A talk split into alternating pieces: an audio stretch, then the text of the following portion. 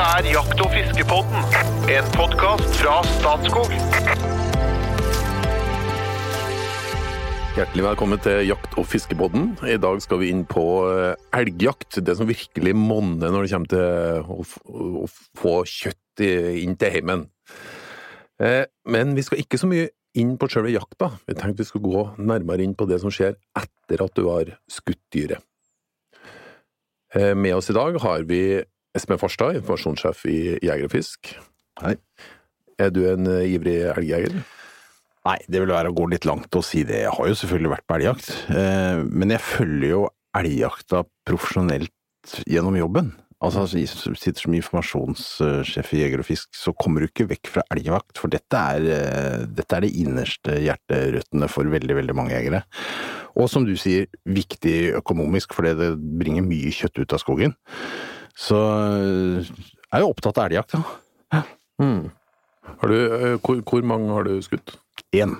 Jeg har skutt én, jeg har vært på Når elg. skjedde det? Nei, det, det, det, det er faktisk ganske mange år siden. I begynnelsen av min jegerkarriere. Jeg hadde begynt i Jeger og Fisk, og så var jeg kontor ved siden av en legendarisk skikkelse som het Sven Stenbrennen. Han var liksom mister jegerprøven og mister gevirdommer og jeg vet ikke, mister alt en stund. Eh, og han reiste jo rundt, hele landet rundt og predika det glade budskap, og, og var en glad herremann. Og så hørte han at ikke jeg hadde vært på elgjakt, så inviterte han på elgjakt på det innerste elgjaktlaget i- på Tørrberget i Trysil. Og det, det er ikke hvem som helst som slipper inn der, skjønner du. Og gjennomsnittsalderen var vel litt over 80, tror jeg, på det jaktlaget. Så jeg var jo bare skikkelig ungkalv der jeg kom inn. Og så var det inn på knølkoia om natta, og så tidlig opp om morgenen da, ut, og jeg ble plassert på en post og fikk beskjed om at jeg kunne skyte Jeg kunne skyte okse. Og jeg kunne skyte kalv, tror jeg det var. Og det var det, liksom. Og jeg satt der og tenkte ja, hvordan skal jeg se forskjell? Og dette er ikke sant, første gang på elgjakt. Det er sikkert mange som har kjent på det. Dette er ikke bare bare. Så etter 20 minutter så braker det nede i skauen. Og opp kommer en svær okse og steller seg med breisida til på 60 meter, tenker jeg. Så jeg skjøt den, da. Og den datt. Og det var det. Så jeg syns egentlig det var litt halvkjedelig, egentlig. ja. Nei, det var er slik det skal være. ja, det er, slik, er, det, er det sånn elgjakt er? Nei, altså, jeg var jo bare et lykkestreff, det, liksom. Og, men, så, men det var veldig artig å være med og kjenne på den der kulturen rundt elgjakta, og, og, hva og hvordan folk oppfører seg, hvordan det skjer, hvordan man snakker på radioen. Det er mye greier her, altså. Så det er, det er veldig spennende. Er det veldig spesifikt for det enkelte jaktlag, de normene som gjelder, eller er noe felles og noe Jeg tror nok det. Det er nok Ja. noe felles, og så har man noe Man bygger jo opp litt sånne internkulturer når man har et jaktlag over lang tid. Det kjenner jeg jo fra andre sammenhenger. Eh, Men, men eh, det var bare hyggelig, og jeg følte meg veldig velkommen. Og det var, det var jo en stor opplevelse å være med på, må jeg virkelig si. Og det er jo skogens konge som kommer der da, og steller seg opp. Svære dyr, ikke sant. Det er, så det er med mye respekt og ydmykhet at man eh, trykker av, da. Men apropos dagens tema, så skal vi jo se på det eller, så Vi skal fokusere på det som skjer etter du har skutt, skutt elgen. Hva skjedde etter du skjøt din? Nei, da gikk jeg på radioen og sa at jeg hadde skutt en elg, og så kom de sjokkende inn fra alle kanter, disse her eh, gamle Trysil-kara da, og skulle se på dette her, og, og jeg fikk eh, granbar i hatten. For det skulle man ha. Og når de hørte at jeg var første elgen jeg hadde skutt, så var det jo det var akkurat som feststemninga steig i taket. Altså, så det, er mye, det, var en sånn der forløsende stemning, på en måte. ikke sant? Nei, og så, jo, så gikk jo resten av dagen til å få dette her beist ut av skauen. Da er det jo elgtrekker og alt dette her som jo er litt særegent for elgjakta. Hjortejakta kanskje litt også, men ellers så bærer man jo stort sett sitt eget vilt ut av skogen. Men her er det liksom lov å bruke hjelpemidler. Du er jo nødt til det, ikke sant? Ja. Eh, så- Elgokse, hvor tung blir den, da? Ja, hvor tung så Bare hundre kilo? Jeg sier 200-250 kilo i slaktevekt. Og der kom kanskje en som er mer spesialist på elgjakt inn i bildet. Det er da jakt- og fiskesjefen i Statskog, Jo Inge Bresjeberget. Du er en ivrig elgjeger. Ja det, ja, det kan jeg vel si. Har, har du tall på hvor mange elger du har skutt? Det har jeg.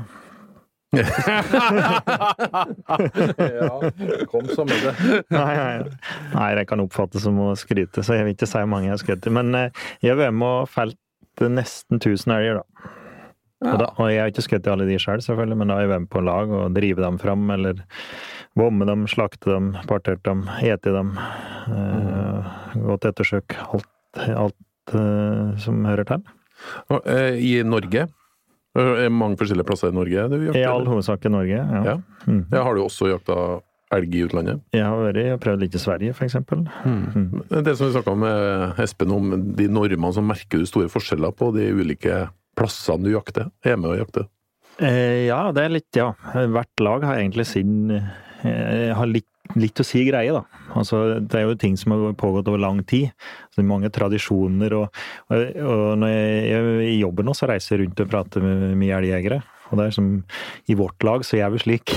Ja, vårt lag så gjør vi slik. Så, så hvert lag har liksom sin egen stemning eller sine egne regler og slik. Men, men en del ting er felles. Og det er eh, i hvert fall elgjakta i Norge, slik jeg kjenner den, så er det det er typisk Vi må ha en jaktleder, det er vi pålagt å ha.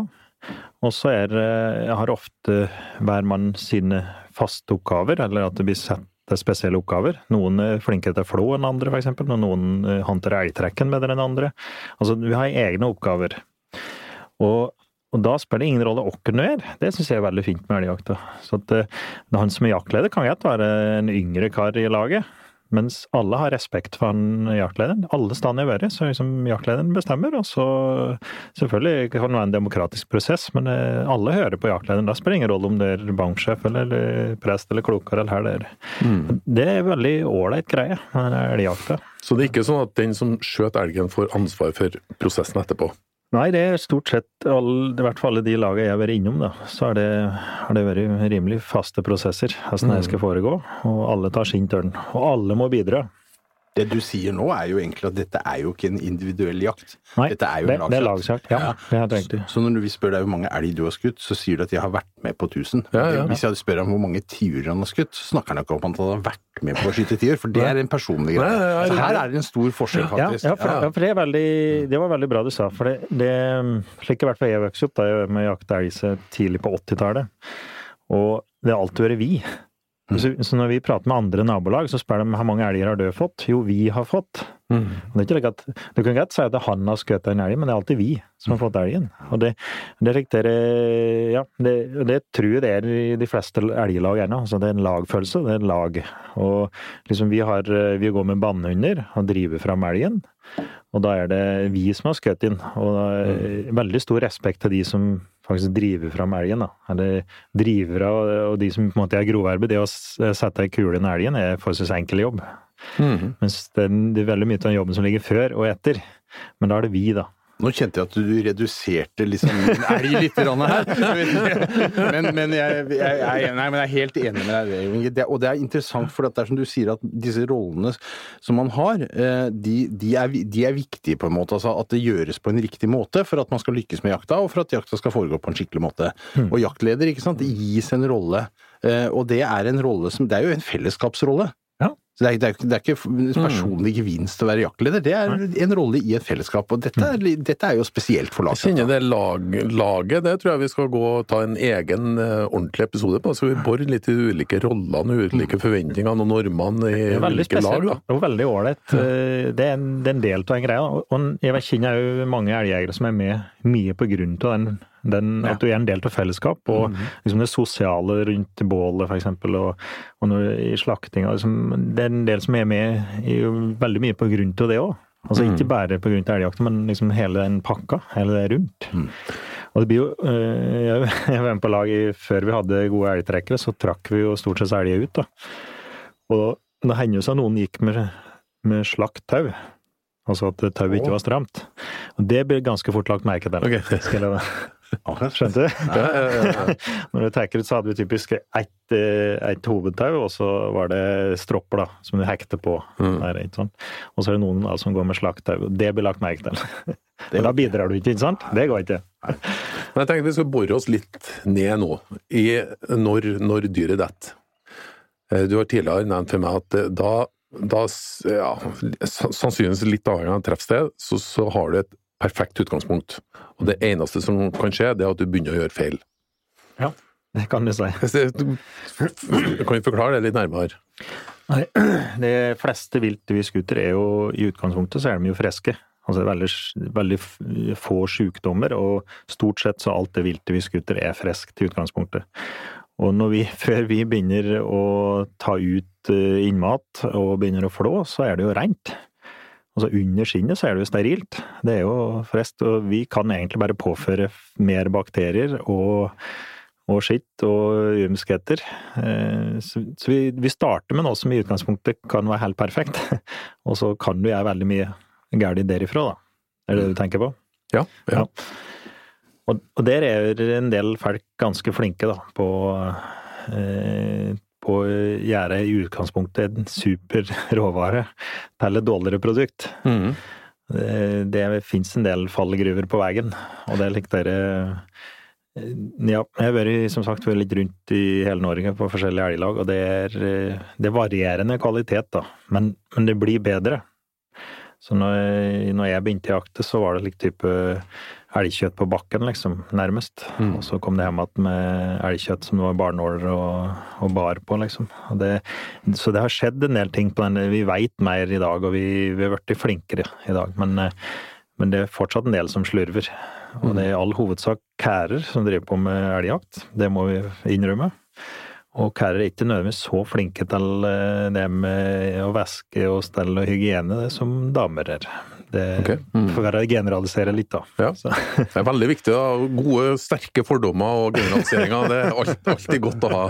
Lene seg. det må jeg lære her. Men, men, men kan, kan ikke Jo Inge få dra oss litt gjennom, da? Hva gjør du? Fra A til Å, liksom.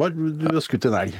Ja, som du sier da, så er den i utgangspunktet da frisk og fin, og det er et skudd inn da, og det er klart da har vi allerede åpne, åpne en kanal inn i dyret.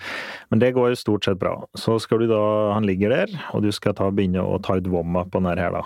Sant? Og da må du ha tenkt på hesten du skal få den her ut til skogen, som Espen sa. Kontrollspørsmål. Ja. Du tapper den ikke for blod. Eh, Du tenker på type stekken? Ja. Ja.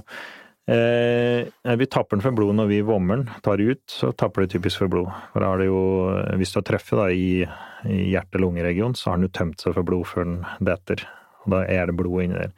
Men eh, det har vært liksom en debatt opp gjennom i alle Jeg vet ikke om det står i jegerprøveboka fortsatt, det er med stekking. Men da, da er du avhengig av at blodpumpa fortsatt går, da. Skal du få avblødning. Altså hvis du skutter den i hjernen eller ryggsøyle, så så vil jo fortsatt blodet være i kroppen og får den avblødninga som det gjør ved å skutte hjerte-lunge-regionen.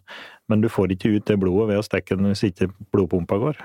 Nei, Så hvis elgen er død, så er det ikke noe vits i å stikke hjelper den. det liksom ikke, du kan stå der og stikke så mye du vil, men du får bare det blodet som er der, da. Det, det hjelper ikke noe. Mm. Så, så det er nok noe som henger igjen litt ifra, fra gammelt av. Jeg var veldig nøye på det. Du husker da jeg begynte, og de skulle stikke den elgen i, der og nesten ta livet av den en gang til. Han allerede var død. Mm. Men, eh, med en mekkete kniv. Typisk. Ja, ja. Det òg er greit, sant. ja, Når du starter med utvomming, altså, har, du, har du en steril kniv, da? Du må ha en ren rein kniv når du starter. Og det er jo typisk en del som slurver med, ikke sant. Da har de eh, vært på elgjakt en dager, og så har de skutt en elg, så har de vært med å og vomme og flådd og bruke samme kniven der, uten å væske den eh, godt, og så starter de med en mekkete kniv. Kanskje rense neglene med den og, og smole på noen brødskiver og det ene med det andre, ikke sant. Og så begynner på det. Så den må være rein. Og det beste er typen morakniv her nå, som er plastskaft og rustfritt stål, så du kan koke den eller kjøre den i veldig varmt vann og med sterk eh, såpe. Så den er rein når du starter. Det er liksom hele greia.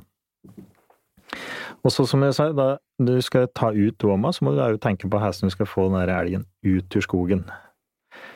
Og så skal den slepes etter bakken, eller skal den eksempel ake på en staselig elgtrekker, som Espen pratet om i stad. Og det kan avgjøre hvor mye du skal åpne den. For hvis du skal slepe ned den etter bakken, så må du åpne den minst mulig. Du må lage færrest mulig hæl inn. Vi har sett en del skrekkeksempler når folk åpner en elg da like ifra herskenuta, og så helt ned i anus, og så drar de med etter en ATV, så gørra spruter. Så får du mett hele den der bukhulen og inni her i gjørme og sølevann og det ene med det andre. Som da er grobunn for bakterier når du skal Ja. den videre. Hvor mye haster det med å ta ut vomma? Eh, Det haster ikke mer enn at vi sier typisk i løpet av to timer skal den være ute. Mm. Altså slik som lik tommelfingerregel. Jeg, må spørre hvorfor det. Nei, for at du har eh, nedbryting av altså vominnholdet. Eh, Det er jo gass, eh, metangasser i vomma, og hvis du eh, når elgen dør, så fortsetter den nedbrytinga, og så dannes det gasser. Han får ikke, får ikke opp nei, og da blåser vomma seg opp. Og så til slutt så vil du få tarmsafter da, som siver ut i, og gasser som siver ut i kjøttet. Så en skadeskutt elg som ligger, som kan ta lang tid før du finner, så kan du oppleve at det- vomma blåser opp, da. Altså, Bruker du noe av det du vommer ut?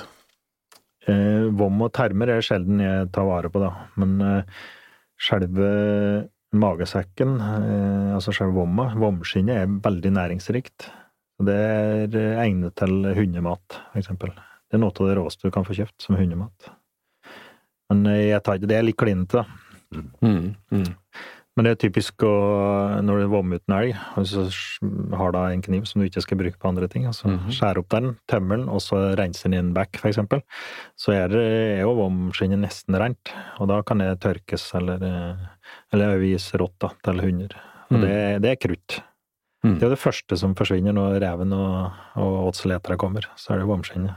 Ja, Graves det forresten ned? Det, var ikke en kampanje for å prøve å redusere fòring av rev, egentlig? Jo, og det er klart, eh, det er nok en gang da, så er det termer og, termer og vom blir stort sett alltid liggende igjen i skogen. Og det er jo særlig vomma da, som er, eh, er kruttet. Terma er ikke så mye eh, næring og energi som vomma. Og skulle det være monnontingen, så er det vomma vi skulle tatt ut, litt strengt tatt. Mens veldig mange leverer elger på viltmottak, og da må du ha med eh, type hjerte, lunge, nyrer, lever og milt. Og da er de fleste eh, næringsrike deler er med elgen ut. Men vomma blir stort sett alltid liggende igjen, og det er, det er ok. Men det er mye mat til rev, for eksempel. Da. Mm, mm. Ja, men da har vi, da har vi vomma ut den. ja. Ja, vent, vent litt rann nå. for- Nei, det har vi ikke. Vi. Nei, for det var ikke, det var ikke så enkelt. Nei, for, så har, men det er greit at så har du tatt ut vom og tarmer, men så kommer vi liksom inn til mellomgulvet, og, og, og der er det også ei hinne som du skal, eh, skal gjennom, da, og så få blod og, og få tømt elgen, liksom. Ja. Og, og det er klart, eh, hvis det liksom eh, Jeg jakter og har elgtrekker, og da tar jeg stort sett ut eh, det meste eh, i skogen, og tømmer den i skogen. Men hvis du skal trekke den ut, eksempel, eller dra den ut, så er det en fordel av de her sitte igjen. Og da, da tar jeg også eh, det som magesekken da, går inn i mellomgulvet. Dere bruker da typen to elektrikerstrips, eksempel. Setter de imellom, og så kapper mellom de to. Setter de på, eh, på det magesekken starter, da. Og så der tarmen kommer inn på magesekken. Og samme gjør jeg andre enda. Ene tarmen. Melker den for, eh, for eh, mm, lort, da. og så setter jeg på to strips, og så kapper jeg mellom de.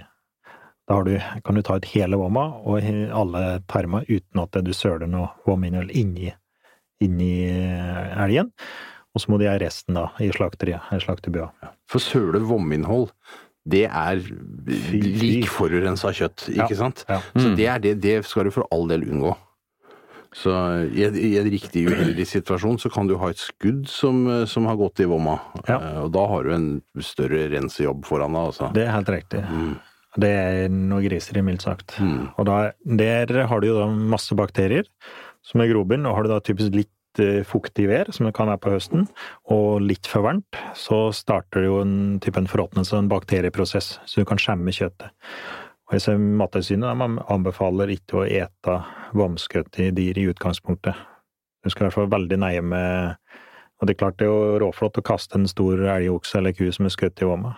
Og så blir det til at folk eh, Du gjør så godt du kan, da, men, eh, men der er det en del fallgruver der òg. Øker liksom eh, behovet for tempo, da, hvis du har et vomskudd. Ja. Ja. Det er helt riktig. Da er det om igjen å få ut magen fortest mulig. Jeg, jeg- du nevnte på det hvor raskt må det gå, da, men det er jo typisk sånn at elgene dauer. Så vi har jo ikke verre bråttom om at du har inntil et par timer på deg på å få ut noe vomma. Og jeg ser veldig mange har det kjempetravelt med å få vomma ut. Men det er bare å ta litt tid, og så unngå eksempel å søle vom, da. Jeg har jo sett det de som står der og haler og drar og, Og, eh, og klarer faktisk å kontaminere slaktet etter at eh, Som i utgangspunktet er helt fint, Mm. men da river hæl i f.eks. av endetarmen. Mm. Og ja. Så, så det er noen slike fallgruver han må være litt nøye med. Mm.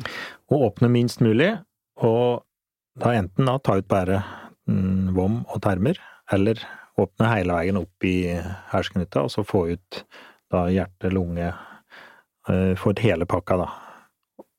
Og da tømmer du en au samtidig for blod når du tar mellomgulvet.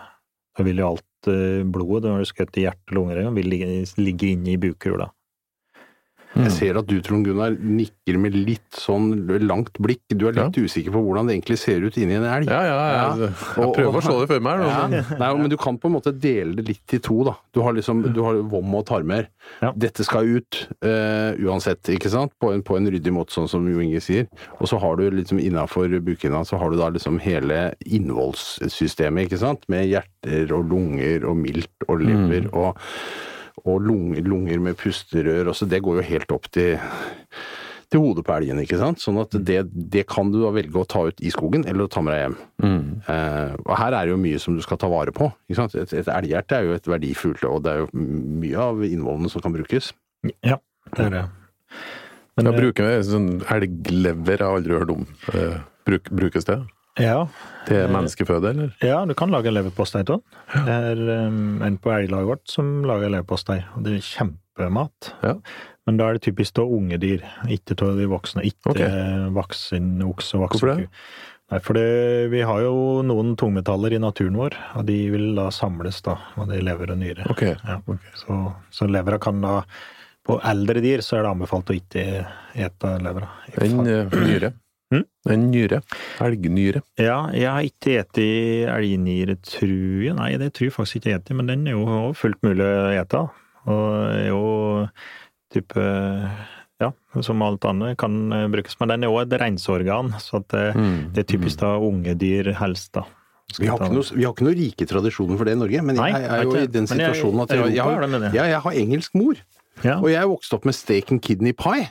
Kidney er jo nyrer, ikke sant? Mm. Og dette, så vi hadde jo ofte nyrer til middag da jeg var liten. Jeg husker jo det. Og det er jo en litt sånn spesiell lukt når du, når du lager nyrer eh, hjemme. Ja. Så jeg kan kanskje skjønne at folk eh, syns det er en liten sperre der, men jeg vokste opp med det. Syns det er helt ålreit. Mm. Men de som har hunder, så er det det minste ta til hundemat. da. Det er jo kjempehundemat. Ja, ja. Altså, det er jo synd å skamme bare la det ligge i skogen og så fôre revet og kråke på det. Da er det jo bedre å gi det som hundemat. Mm. For det er megahundemat. Hvem har gitt hunder på det som ikke vil ha noe annet etterpå? De blir litt bortskjemt.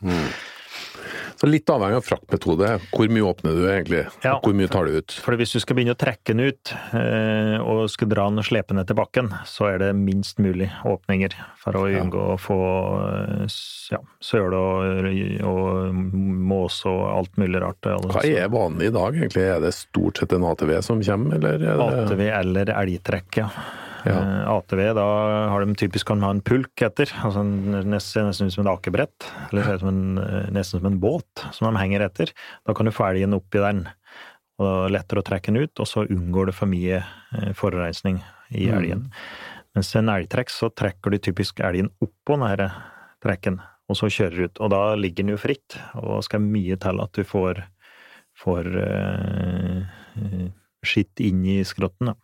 Mm. Det vil jeg foretrekke, i hvert fall. Og da fraktes elgen til Til typisk til en bilvei, i all hovedsak. ja. Eh, Så er det jo da har du da den på en eh, pulk eller på den elgtrekken, og opp og henger der. Og så er det kanskje litt enten tært og støvet på veien, eller at det regner litt og det, du virvler opp støv når du kjører. Og det er òg en eh, kilde til forurensning.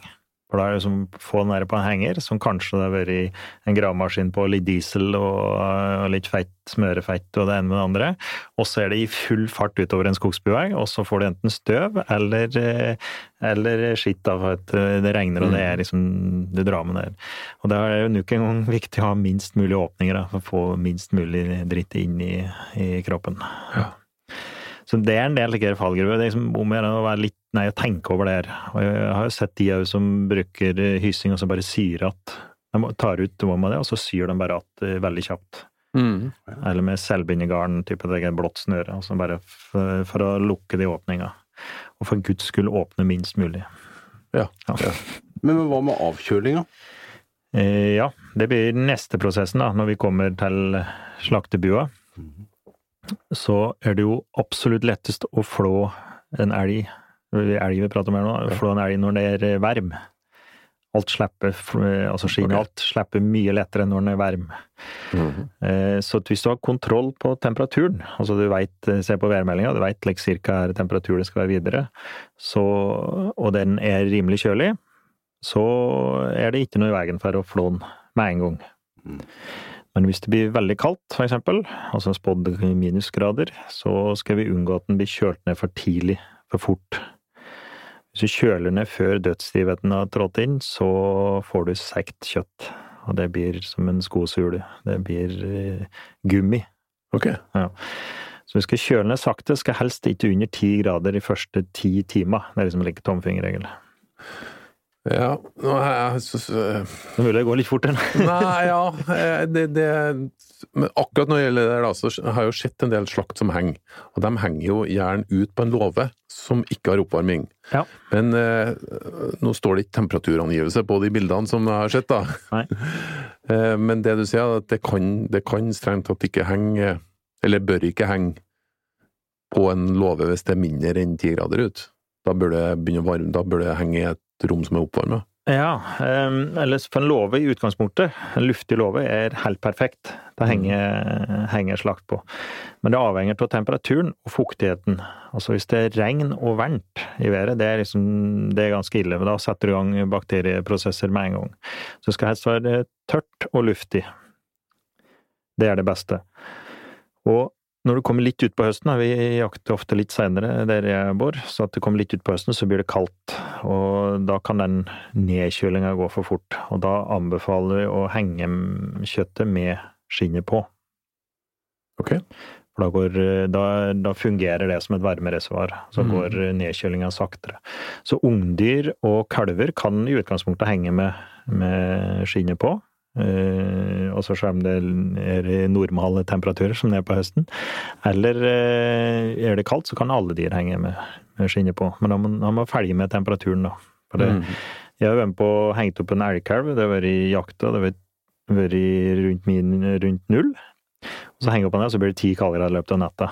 Så ser jeg at det er spådd kaldere, så har jeg hengt opp den der med skinnet på. Og da jeg typisk eh, brukt fjellduk, for eksempel, hengt rundt den for å holde på temperaturen. Og jeg kan òg ha satt på en liten vifte for å få blæsa litt, så det går passe sakte. Og så speker jeg legga på den. Og jeg henger den opp, ikke sant, så henger den etter leggen. Og så speker jeg legga på den, og så skal jeg ta av det skinnet da, dagen etterpå. Eller to dager etterpå. Ti kaldegrader. Og det er Du prater om at står det kaldt, men en elgelegg som har klaka, jeg skal love det er forferdelig kaldt å drive på med. Ja, hvordan flår du en elg, da? Eh, Det er jo et digert En bit av gangen, ikke sant? det er jo en relativt stor oppgave, vil jeg si. Ja. Eh, Du får den inn typisk de fleste har en slaktebu eller et eller annet, da. Og så Ja, for det, for det er jegerne sjøl som, eh, som ja, ja, jeg antar at det er jegere sjøl her, så blir det gjort på et viltbehandlingsmottak. Ja. Selvfølgelig. Det er jo mange som leverer dit, og da, da skjer flåinga der. Ok. Ja. Mm. Eh, De har jo proffe folk til å gjøre det. Men eh, gitt at du gjør det sjøl, liksom jeg gjør, så er det typisk da inni en slakterbu, på en benk, så ligger den på riggen. Legger elgen på riggen mm. og støtter opp den, så at den ligger, ligger på ryggen. og så starter vi snitt da i eh, rundt leggen, og så inn i midt på brystet fra begge sider. Og samme i, på eh, bakbeina, inn til midten der òg. Og så begynner du å flå fra siden og så nedover. Altså du skaler over fra hele veien. Da Da er det åpent rundt beinet, så flår du ned slik. Og på slik, sier jeg, det er ingen Ja. som kan høre. Det er radio. Dette er radio. Dette er radio. Um, og så du, hold- du holder jo beinet, du, du, og så tar du, du får jo tak i skinnet, liksom, og så går du jo etter med kniven, ikke sant, mens du drar, Mm. eh, og, og prøver å dra av skinnet, ikke sant, og så løsner du liksom med kniven sånn gradvis nedover. Det er sånn, Holder skinnet med neven, og så fører du da snittet inn mot eh, kjøttet uten å skjære i kjøttet. Altså Ja. det er overgangen mellom skinn og, og kjøtt. Og det beste er å trekke så mye som du kan. Trekke Ja, så skinnet av. Bruk kniven minst mulig. Unngå kniv. Unngå mekkete kniver, og unngå skjære i kjøttet. Nuk en felle, ikke sant. Litt mekkete kniver. Kanskje den har vært brukt til å vomme en elgen og vært borti litt armer og forskjellig. Og så blir den brukt på kjøttet etterpå. På låret, eksempel. Står og så spikker, og så skjærer inn i låret. Skaper eh, grobunn for mer bakterier. Men heller trekke så mye du kan på skinnet. På ryggen over eh, Det er typisk legga som det sitter litt, grann, og ved siden. Altså eh, si- ribbeina som vil det sitte.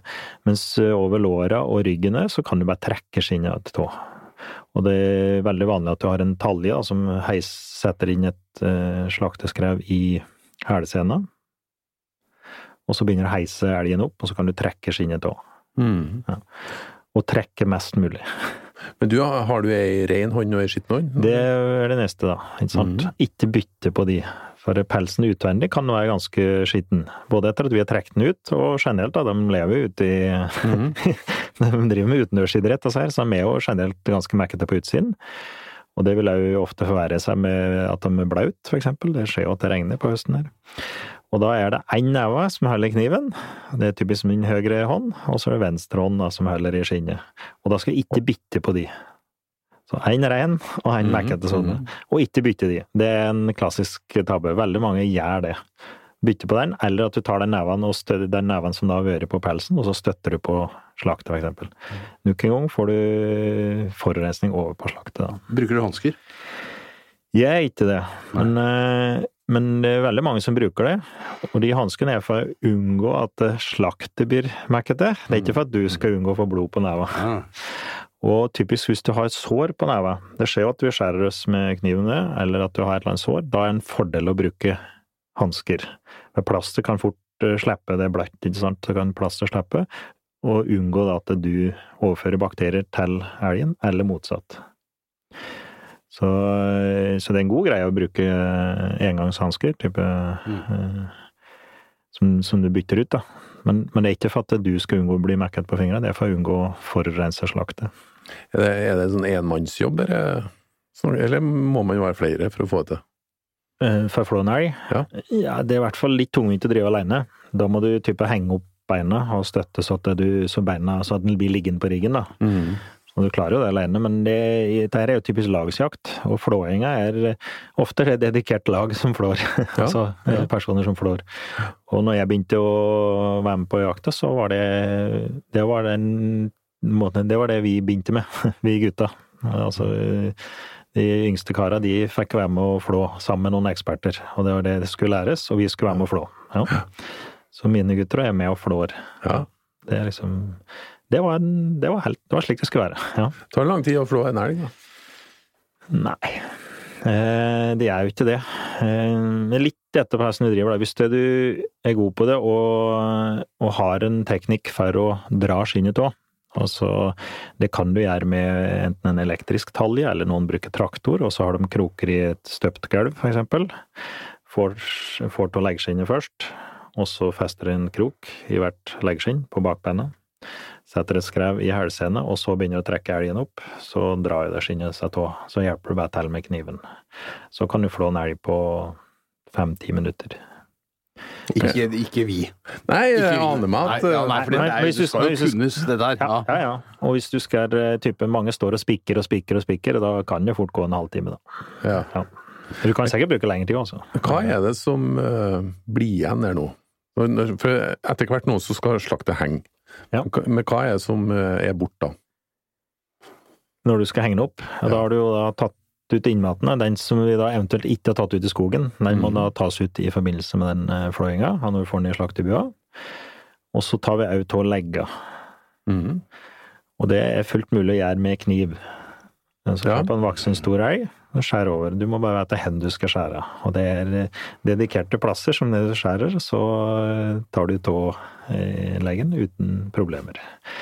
Og veldig mange står og spikker og spikker, og så skjærer bare i bein og får ikke tå der, og så henter de ei snekkersag som da ikke er rengjort, og så sager du, så får du sagmugg, og så får du det nok en gang et medium for bakterievekst. Mm. Men det er fullt mulig å gjøre med en helt enkel liten kniv. Så da tar du til å legge og på, altså klauven, da, som vi sier, eh, og huet. Og da er resten av skretten igjen.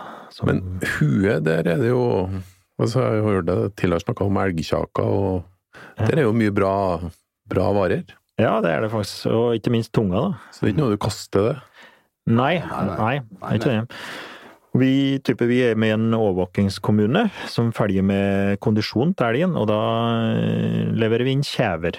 Så de skal òg tas ut. Og det er typisk lettest å gjøre når før dødstiden trår til, så at du har litt feil i deler. Når en elgskallen ligger og blir kald, og så skal du begynne å, å få ut den kjeven, så er det mye mer jobb. Så det er typisk jeg da med en gang han er, han er varm. Og det er òg et eget, egen dedikert oppgave. Ja, ja. Og tunga ta ut mens den er varm. For når elgen da dødstiden trår til, og elg, typisk tunga stikker ut mellom kjeven, så er det ganske vanskelig å få ut den tunga etterpå. Mm. Så det tar jeg når den er varm. Så tunga og kjakan? Ja, det er ikke så mange som tar kjakan, da, men eh, det er faktisk en ganske kjøttfull del. Og, og det er jo i gamle dager, hvis vi går litt langt tilbake i tid, når vi var jegere og sankefolk og framover, så brukte de jo alt. Absolutt alt. Og jeg var med, med å, å laga sylte på gris til jul, sånn at vi brukte huekjøttet. Og det kan du òg bruke til en elg, ikke sant. Du må ha mer fett, da. Men eh, det er, jo, det er jo faktisk en hel del kjøtt på, på en skalle. Men det er ikke så vanlig å bruke den i dag. Kan jo se for seg et sånt eh, Så er elgjakta over og vi nærmer seg jul, og så samler man guttene til en liten fest, eh, og så har man eh, elghuer som, som, som smalahove, liksom. Mm. Hadde, det hadde vært noe, altså! De der svære fordums... Et ordentlig stykke. Et ordentlig stykke, ja. ja. sånn lit, bitte lite sidespor, altså det, det er jo snakk om sånn CDV-testing. Gjøres det på alle elger? Tar man gjerne prøve å sende inn, eller? Eh, nei, eh, det, har- det har variert litt, da. Eh, Det var jo Når den ble påvist, så var det storstilt innsamling. Og da var det typisk de overvåkingsprogram eh, som, som vi, min kommune, er en del av. Da tok vi til alle voksne dyr det året. Og så i fjor, da var det frivillig. Da vi, fikk vi prøvepakker, og så tok vi til voksne dyr bare som en frivillig ordning. Og så er det prat på at det skal være en storstilt dugnad i år, og så ta prøver rundt hele landet. Det er jo for å ta mange nok prøver for å avkrefte at vi har det spredd rundt omkring i landet. Men det er til voksne dyr, så kalver eh, tar du ikke av, men eh, halvannetåringer og eldre. Nei, men da henger det et slakt der. Ser det helt Ja. før meg nå. Ja, er- kan jeg stille et spørsmål her? For Ja. at det er noe som skjer underveis her som jeg lurer litt på. Em, hvis du ser et eh, profesjonelt slakteri, altså ikke viltslakteri, men som driver med svin eller storfe og sånn, så bruker man jo mye vann. Mm. Mens vi har jo ofte hørt i jegerkretser at det er fy-fy å bruke vann eh, på viltet, for da sprer du eventuelle bakterier rundt. Er det bare tull? Er det helt greit å bruke vann? Nei, vi må ikke si det, for det vann er eh, i utgangspunktet fy-fy. Men eh, slakteriet har jo kontroll på alle betingelser, både på temperatur og luftfuktighet, og har rent vann. De fleste slakterier jeg har vært med ute i skogen, så har du ikke nødvendigvis eh, drikkevannskvalitet, eller har veldig bra vann. Og en greie da er at du fort sprer bakterier, som du sier. At det er sølt litt vom, for eksempel, og så skal du Ja. Så, så hvis det skulle være noe tilfelle der du skulle i hele tatt eh, være i nærheten av han og vann, så er det type inni bukhula ved bomskudd. Ja.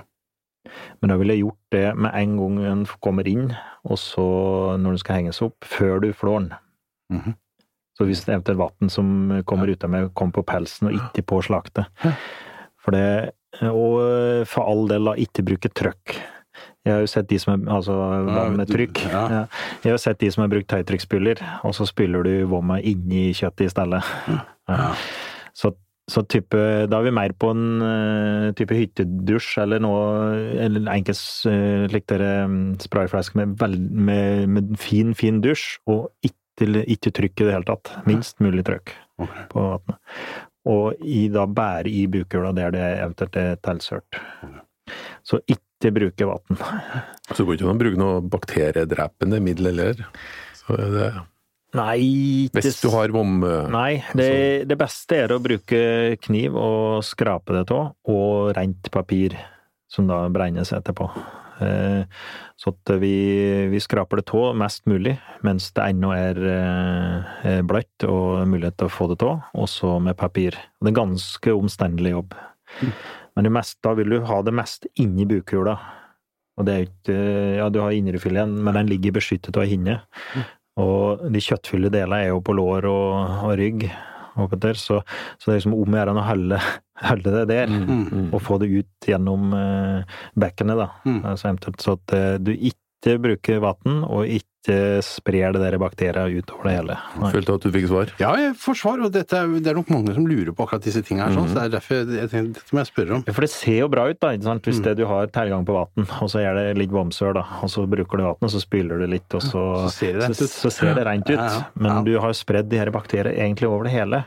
Og typisk hvis da skrotten henger det ferdig flådd, så vil du inne få vann ut på, på de kjøttfulle delene, f.eks. ned på låra, så det renner nedover låra. Ja. Og det er slikt der eh, fy-fy, altså. Ja. Du ser jo ikke bakterien, men de er jo der, ikke sant. Og det, det er noen som har brent seg på det, altså. Mm.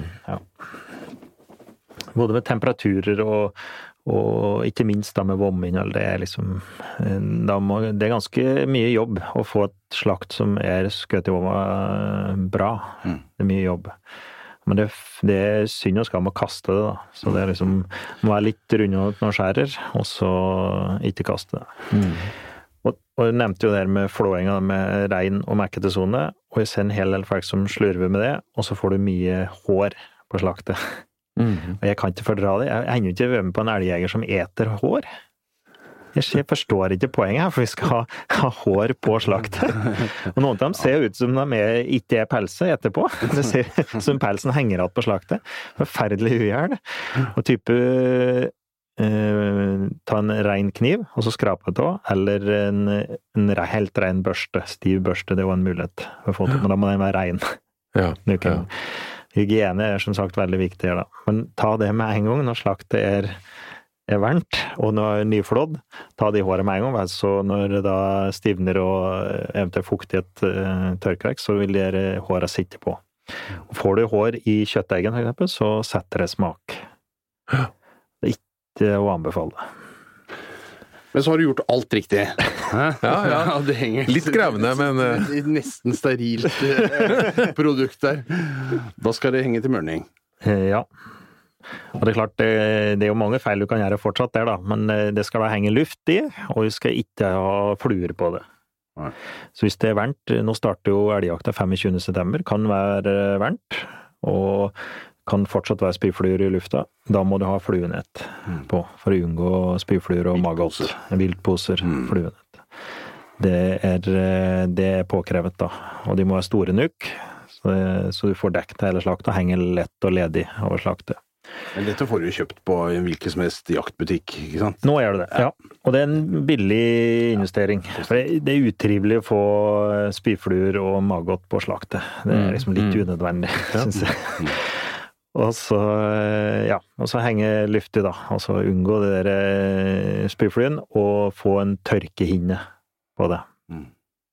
Fortest mulig få en tørkehinne, og så skal ha temperaturen helst synke sakte ned til, eh, til dødshiveten inntrer, og så kan du eh, så kan den synke ned til type fire grader, eller hva det måtte være, som er ideelt. I 40 døgngrader, og nå er Minst. vi der, ikke sant? Jeg, ja, nemlig for det jeg skulle spørre om, altså hvis du har, du føler at du har litt sånn kontroll på situasjonen, Ja. at værmeldinga ser bra ut, og det henger under hus, og det er tørt og luftig og sånn, da du kan godt strekke den litt til både 50 og 60. Ja, og 70-80, ja. Men, Ja. men det betinger at det du har eh, Ja, at du Det, det enkleste testen er å, å lufte på det. Lufte på slaktet. Mm.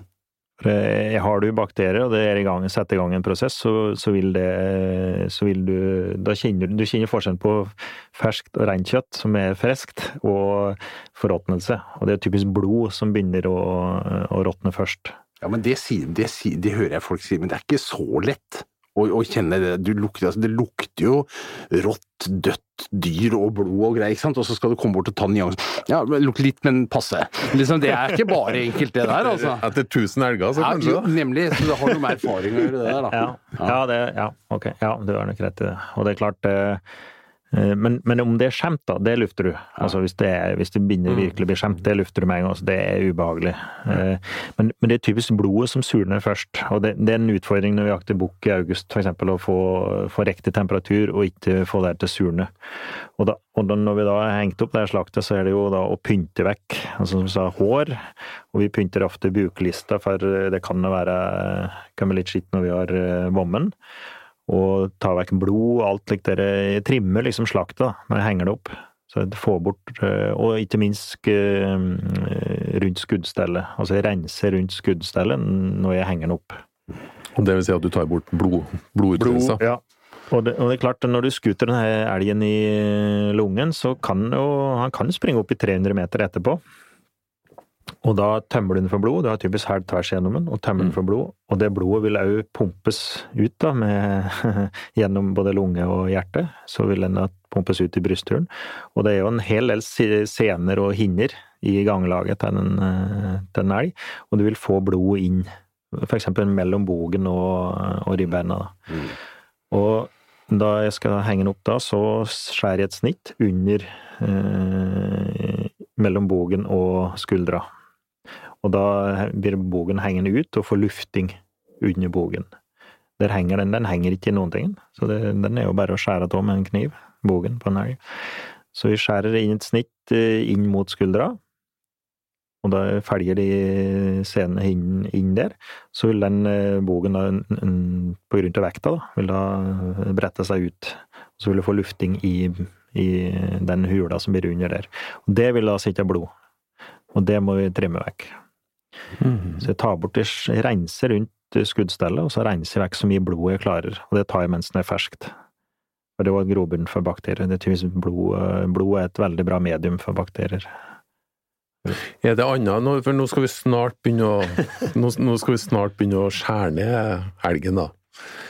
Men er det eh, Ja, du kjenner jo eh, Du kjenner jo lukten av skjemt blod, så da må jeg spørre deg, er det Går det an at eh, skuddstedet påvirker kjøttkvaliteten? Altså, eh, sprer det noe, sprer det noe hormoner, eller er det noe ekstra stress i situasjoner? Vomskudd, hjerneskudd, eh, Ja, ja. lungeskudd. Skjer det noe med kjøttet? Eh, ja, eh, for så vidt så kan du jo klare å påvirke det, da. Eh, skudd i, eh, i hjerne, hue, ryggrad, så vil jo elgen dette med en gang, og så vil den ikke få den utblødninga som den gjør ved å skutte i hjerte-lungeregionen.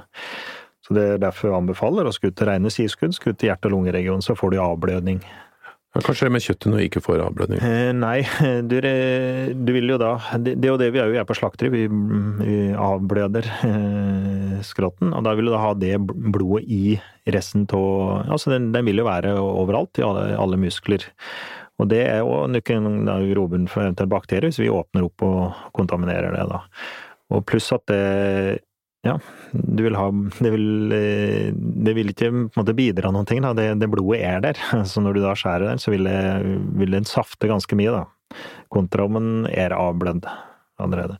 Det blodet trenger ikke vi etterpå. Etter at elgen er død, så trenger du ikke det blodet til. Så det beste er å få den ut og skute rene sideskudd i hjerte- og lungeregionen. Få avblødd skrotten. Mhm. Um, så er den diskusjonen Vi henger stort sett eh, i hælsena, opp etter da bakbeina henger vi inn. Men jeg har sett eh, nyere forskning da, at eh, særlig unge dyr så anbefaler de faktisk å henge i bekkenet, henge i bekkenbeinet, for da, så ikke strekker låra utover, da blir de mørere. Møre, mye mørere kjøtt. De mest kjøttfulle delene er jo låret, og når du henger hele skrotten i hælsena opp etter eh, taket, så vil du da strekke ut Det låret. henger i spenn på en måte. Det henger ja. i spenn, ja. Ja. Og vekta da henger jo det fra låret nedover, og da strekker du på en måte muskler. De vil bli mørere hvis det du henger den i bekkenet i stedet. Så, ja. så det anbefales. Slakterier gjør det med små dyr. da. Henger dem i bekkenet i stedet for å henge dem i, i låra. Men Hvis du har f.eks. en skadeskutt elg, da, det, som sprenger noen kilometer, og så blir den tatt igjen. Har, Ja. det, har det da skjedd noe? Er det sendt ut noen stresshormoner, eller? Ja, eh, du kan da få Nå kjenner ikke hele prosessen, men du får type en stresse, et stressedyr. Eh, de vil ha en høyere pH, altså høyere surhetsgrad, i, eh, i kjøttet. Og det vil ta lengre tid å få den ned. Den, eh, når, det, når, vi begynner å modne og på en måte nedbryte kjøttet, det er en form for nedbryting, så synker pH-en. Den synker det type fra sju og ned til fem og en halv. Men stresse kjøtt, det vil ha veldig Det vil ha et uh, høyere vil være surere, et høyere pH-nivå. Det vil være vanskeligere å få pH-en ned, og det er vanskeligere å få det mørt. Men det er veldig sjelden at uh, elgen er så stressa at det er et problem. Så vi skal ikke lage det til et problem på elgjakt. Men, men det kan tenkes, f.eks. skadeskutt av dyret, eller påkjørt elg f.eks. etter mm. veien, kan tenkes at mm. du kan oppnå det. Men det er veldig sjelden vi oppnår det ved, ved jakt. At vi stresser dyra. At, at, det er et problem. Men det kan tenkes ved skadeskyting. Ja. Og det vil da slite med å få mørt kjøtt, rett og slett, på de. Ja, men da har, vi, da har vi skutt en elg i hjerte-lunge, og så har vi frakta den ut av skogen med veldig lite høl i, i vomma. Den er vomma ut. Den er flådd eh, med ren hånd og en skitten hånd. Hovedsakelig så har vi dratt skinnet av. Mm. Det Avblødninga har vært veldig god. Vi har selvfølgelig hengt den opp, eh, og vi har gått og lukta på den. Mm. hengt den i fluenetting ved, ved behov. Og så, nå står vi nå er den ferdig mørna, egentlig mørna skråstrek modna. Litt så usikker på begrepene her nå. Jeg vil kalle det en modningsprosess, men det er, jo, det er jo en form for nedbryting til kjøttet. da. Du nedbryter eh, proteiner i, i, kjøttet, så da blir det mørere, og det vil si at det er mindre tyggemotstand. Mm. Ja. Da skal vi begynne å gjøre det, skal vi begynne å nærme oss middagsbordet. Vi skal ja. begynne å gjøre det, stykke opp dette her. Hva, hva skjer da? Nei, det er å dele den store, fantastiske elgskretten i, i, mindre deler, da, som vi kan få i steikepanna til slutt. Og det, nok en gang, så er det, er det hygiene som er stikkordet her. At du kan fortsatt klare å, å kontaminere slaktet her. Men det er veldig viktig å ha rene kniver, rene never. Helst et slakteforkle, bruker jeg da, som unngår å, å, at det tilfører noe på skretten og ha reine fjæler og rein arbeidsbenk. og Alt skal være reint når du starter. Hvordan sørger du for at det er reint, da? Jeg har, eh, jeg har, eh, en eh, kompis som jobber på slakteri, som har, har skaffet meg type slakteplater som jeg skjærer på skjærefjøler, som er i er industriplast. Og de kan kokes, og de kan klores. Ja. Og de de er skal mye til at de, at de er ureine da, når jeg koker de og, og klorer dem. Eh, det blir syndig en del mot det, og det er typisk at slakterbu har et bord av tre. Mm. I Norge er vi veldig glad i tre, og så er bordet til tre, og så er det brukt i 20-25 år. Vi har alltid brukt det bordet her, ikke sant. Og så er det en del eh, hakker og sår i det, og så er det da slaktet i fjor, og så er det hatt på litt kaldt vann, og så skure litt, og så kanskje med samme kosten som har vært på gulvet, og børstet blod og, og rester, ikke sant. Det går jo an å gjøre en del feil på veien, men jeg bruker skjærefjæler i plast, legger industriplast, som er fra slakteri. Og de kan som sagt kokes og bli reine. Mm -hmm. Så liksom, det å eh, ha det i huet hele veien, da. Det, ja. Og jeg prater mye om hygiene og det her, men eh, det, i de aller fleste tilfeller så går det bra. At skretten vår er veldig tilpasningsdyktig, og det er sjelden at det, kjøttet er skjemt i utgangspunktet. Men, men det, det, det, er som forskjell på å gjøre det middelmådig og bra. Mm. Ja, du, du, er, vi kan ta det, du er litt over snittet opptatt av hygiene underveis? Ja, jeg er det. Ja. Det er helt på grensa til pirkete. Ja, det aner meg. Men ok, vi får, vi får eh, tatt så heisa ned slaktet på en, et bord. Ja, eller jeg starter Jeg liker å skjære ned når det henger. Oh, ja. mm, så jeg starter det med bøgen. Og har da som sagt rene never, og bruker en annen kniv enn jeg bruker til å vomme ut elgen med. Og så felge da Det er typisk å felge sener og hinner, og de musklene ligger, ligger jo lagdelt allerede i, i skrotten. Så når du veit hvor du skal skjære, så, så finner du alle de musklene. Men det må du rett og slett øve på, og du må hvis du ikke kan det, så må du se type på slaktevideoer, eller ha noen som kan det til å vise det. For det krever en del trening, da. Men starter med bøgen, og den, eh, den skiller du fra kroppen uten eh, å bruke sag eller noen ting. Kan bare bruke en kniv.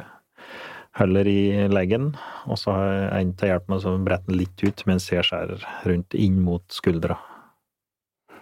Så felger du felger bogbladet rundt, rett og slett. Der så slipper den. Så den starter med tatt av bøgen. Så tar jeg hersen og skjærer den i overgang, eh, overgang eh, brøsthærs, der brystkassa starter. Skjærer over den. Og så tar jeg siden, typisk, skjærer de i ribbeina, inn mot ryggen. Og så tar jeg innerfileten. Det høres veldig lett ut, så hvis det er noen store haker ved det, så må du inn og forklare dem. Ja, um... Du høres lett ut. Ja ja, jo, det er jo ikke det. Det er jo ikke lett. Du må, det er jo som du sier, det er masse erfaring og kunnskap. Du må kunne litt om dyrets anatomi. ja. Eh, og du. må skjønne liksom hvordan du liksom Du skal ikke skjære på kryss og tvers inn i en elg, ikke sant. Du skal på en måte følge dyrets naturlige kurver og scener, og, og dette skal liksom på en måte Om ikke dette fra hverandre, så skal det liksom tas fra hverandre, på en måte. Og du, det du snakker om nå, er grovpartering, ikke sant. Du skal liksom Ja. dele opp dyret, så du har liksom lår, rygg Ja. Ja, ikke sant. Du får delt opp. Ja. Før du begynner å Før vi begynner å gå ned. Ja, Ja. Ehm, og det har ehm, Når jeg tar til siden, så har du slagsider, og de er festet til låret, innerste låret. Så felger Det er skiller, da. Som Espen sier, det er naturlige skiller som jeg felger inn mot ryggen, og så ned til ribbeina begynner. Og så kapper jeg da typisk ribbeina. Du må ikke gjøre det, men jeg kapper da typisk ribbeina 10-15 cm ned på ribbeinet. Da skjærer du ikke i ryggfyllen. Det klarer du fint å gjøre, men altså i- inne i brysthula, da. Og så fram til der nakken starter. Da har du side. Så er det på andre du, siden. brukte du fortsatt med kniven nå, eller? Nei, det er da, bruk, nå, da må nå du ta på sag. Da må du ha øks eller sag. Øks er å foretrekke framfor sag, men uh, hvis du da skal bearbeide kjøttet ganske kjapt etterpå, så er det raskere, er ofte raskere med sag, da. Mange bruker ei sag. Den må være rengjort. Hvorfor er det bedre med øks? For at øks ikke gir så mye sagspon som ei sag gjør. Og sagspon, det er kjempemedium for bakterier. Gang. Altså I det sagponet når du skjærer, hvis Ja. du får det på kjøttet, så er det liksom noe av det råeste til å eh, sette i gang bakterievekst. Ja, det må jeg prøve en gang.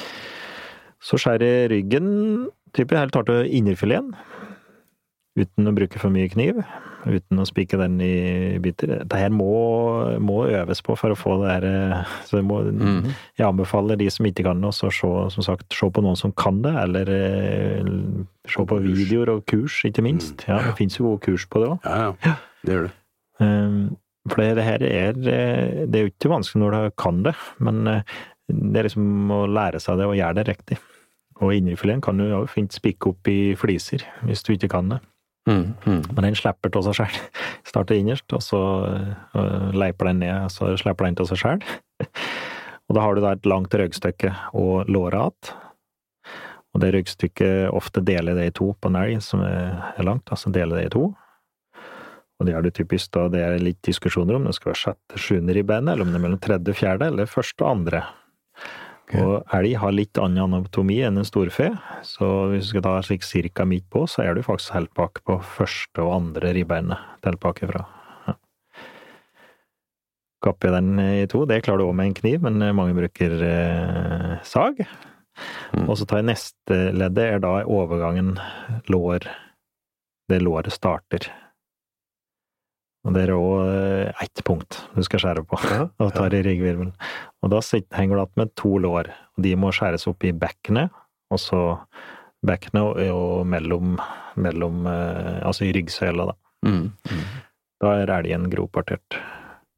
Det høres enkelt ut, men eh, når du kan det, så er det eh, ingen kunst. Men, Mm. men det her må trenes på, altså. Mm. Som jeg sier, det må Ja, det må trenes før du blir god på det, i hvert fall. I prinsippet så er det jo det samme når vi, når vi får et rådyr. Ja. Helt Det er jo akkurat det samme, eller bare at er mye enklere format. veldig mye enklere på et rådyr. Ja, det er det. Men, Da kan du gjøre det sjøl òg. Ja. Men elg er det litt lettere å være hvert Jeg, bruker å ha med i hvert fall én mann når jeg deler, deler elg, da. Én mann til hullet og ta unna deler. Så legger de typisk da unna, når jeg har tatt av bøker og slik, så legger de på rein plate, da. Rent bord som ligger Mm. plass på, eksempel. Mm. Hva gjør du videre med de ulike delene? Nei, da, da har vi grovpartert dem, da. Og så blir det neste blir da å finpartere.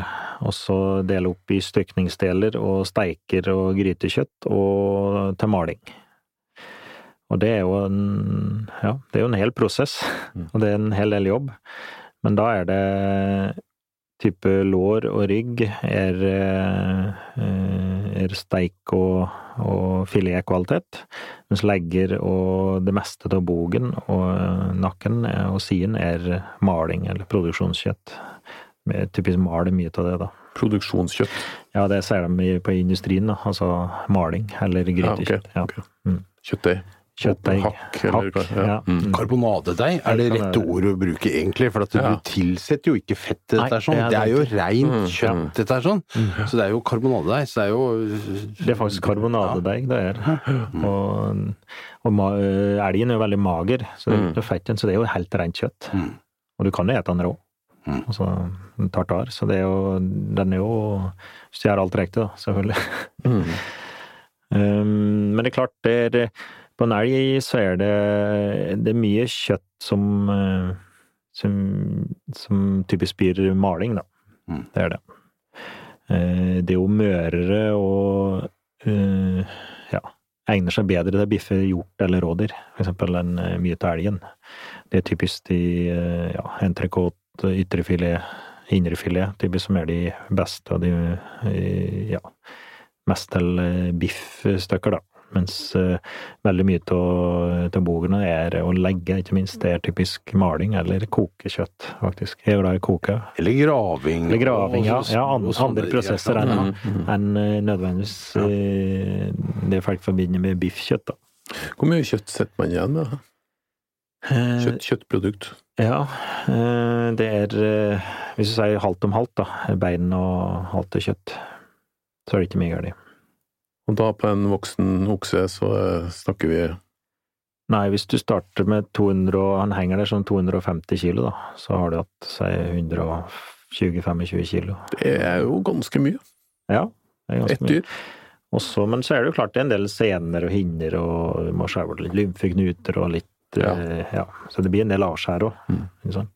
Når, når, eh, altså er, er, eh, er det helt likt egentlig å behandle en kalv og ku og okse? Sånn det er noe, Ja, gjør det noe annerledes, bortsett fra at de er ulik, det er ulik tyngde og størrelse på dem? Nei.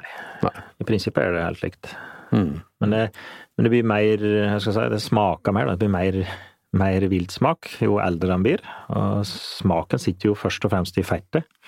Så eldre dyr smaker mer enn yngre dyr. Og eldre dyr har jo en grøvere struktur i kjøttet. Så at eh, jeg foretrekker jo elgkalver og ungdyr. Jeg syns jo, jo det kjøttet er Det er jo ofte det møreste, og så er det det mindre trevlete og er eh, en finere struktur, da Mm. på, på Mm. kjøttet. Betyr det at det kan kanskje gå mer til kverning fra en okse enn hos, hos deg, da? Enn fra en kalv? Det er det. Mm. Jeg har eh, såpass mye rådyr og hjort og andre ting som er eh, mer interessant som type til biff, eh, hvis du skal ha det til lenda eller eh, steik eller noe. Og da prøver jeg å finne andre måter å bruke elgen på, i hvert fall voksen elg. Som Espen sa, om det er graving eller rostbiff for eksempel, eller gjøre andre ting enn enn bare biff eller steik. da. Mm. Det er ganske grovt. En stor elgokse eller en stor elgku, så er det ganske grovt kjøtt på den. Og da er jo type rådyr har gjort, det er eh, ja, veldig mye finere, finere kjøtt. da. Finere kvalitet på kjøttet, for så vidt. Men det er jo litt sånn at altså det er jo, verden er jo mer enn biff, for å si det sånn. Altså. Biff er jo egentlig det, ja, det er godt med biff, men det er jo veldig godt med kokt kjøtt òg, ikke sant? Ja.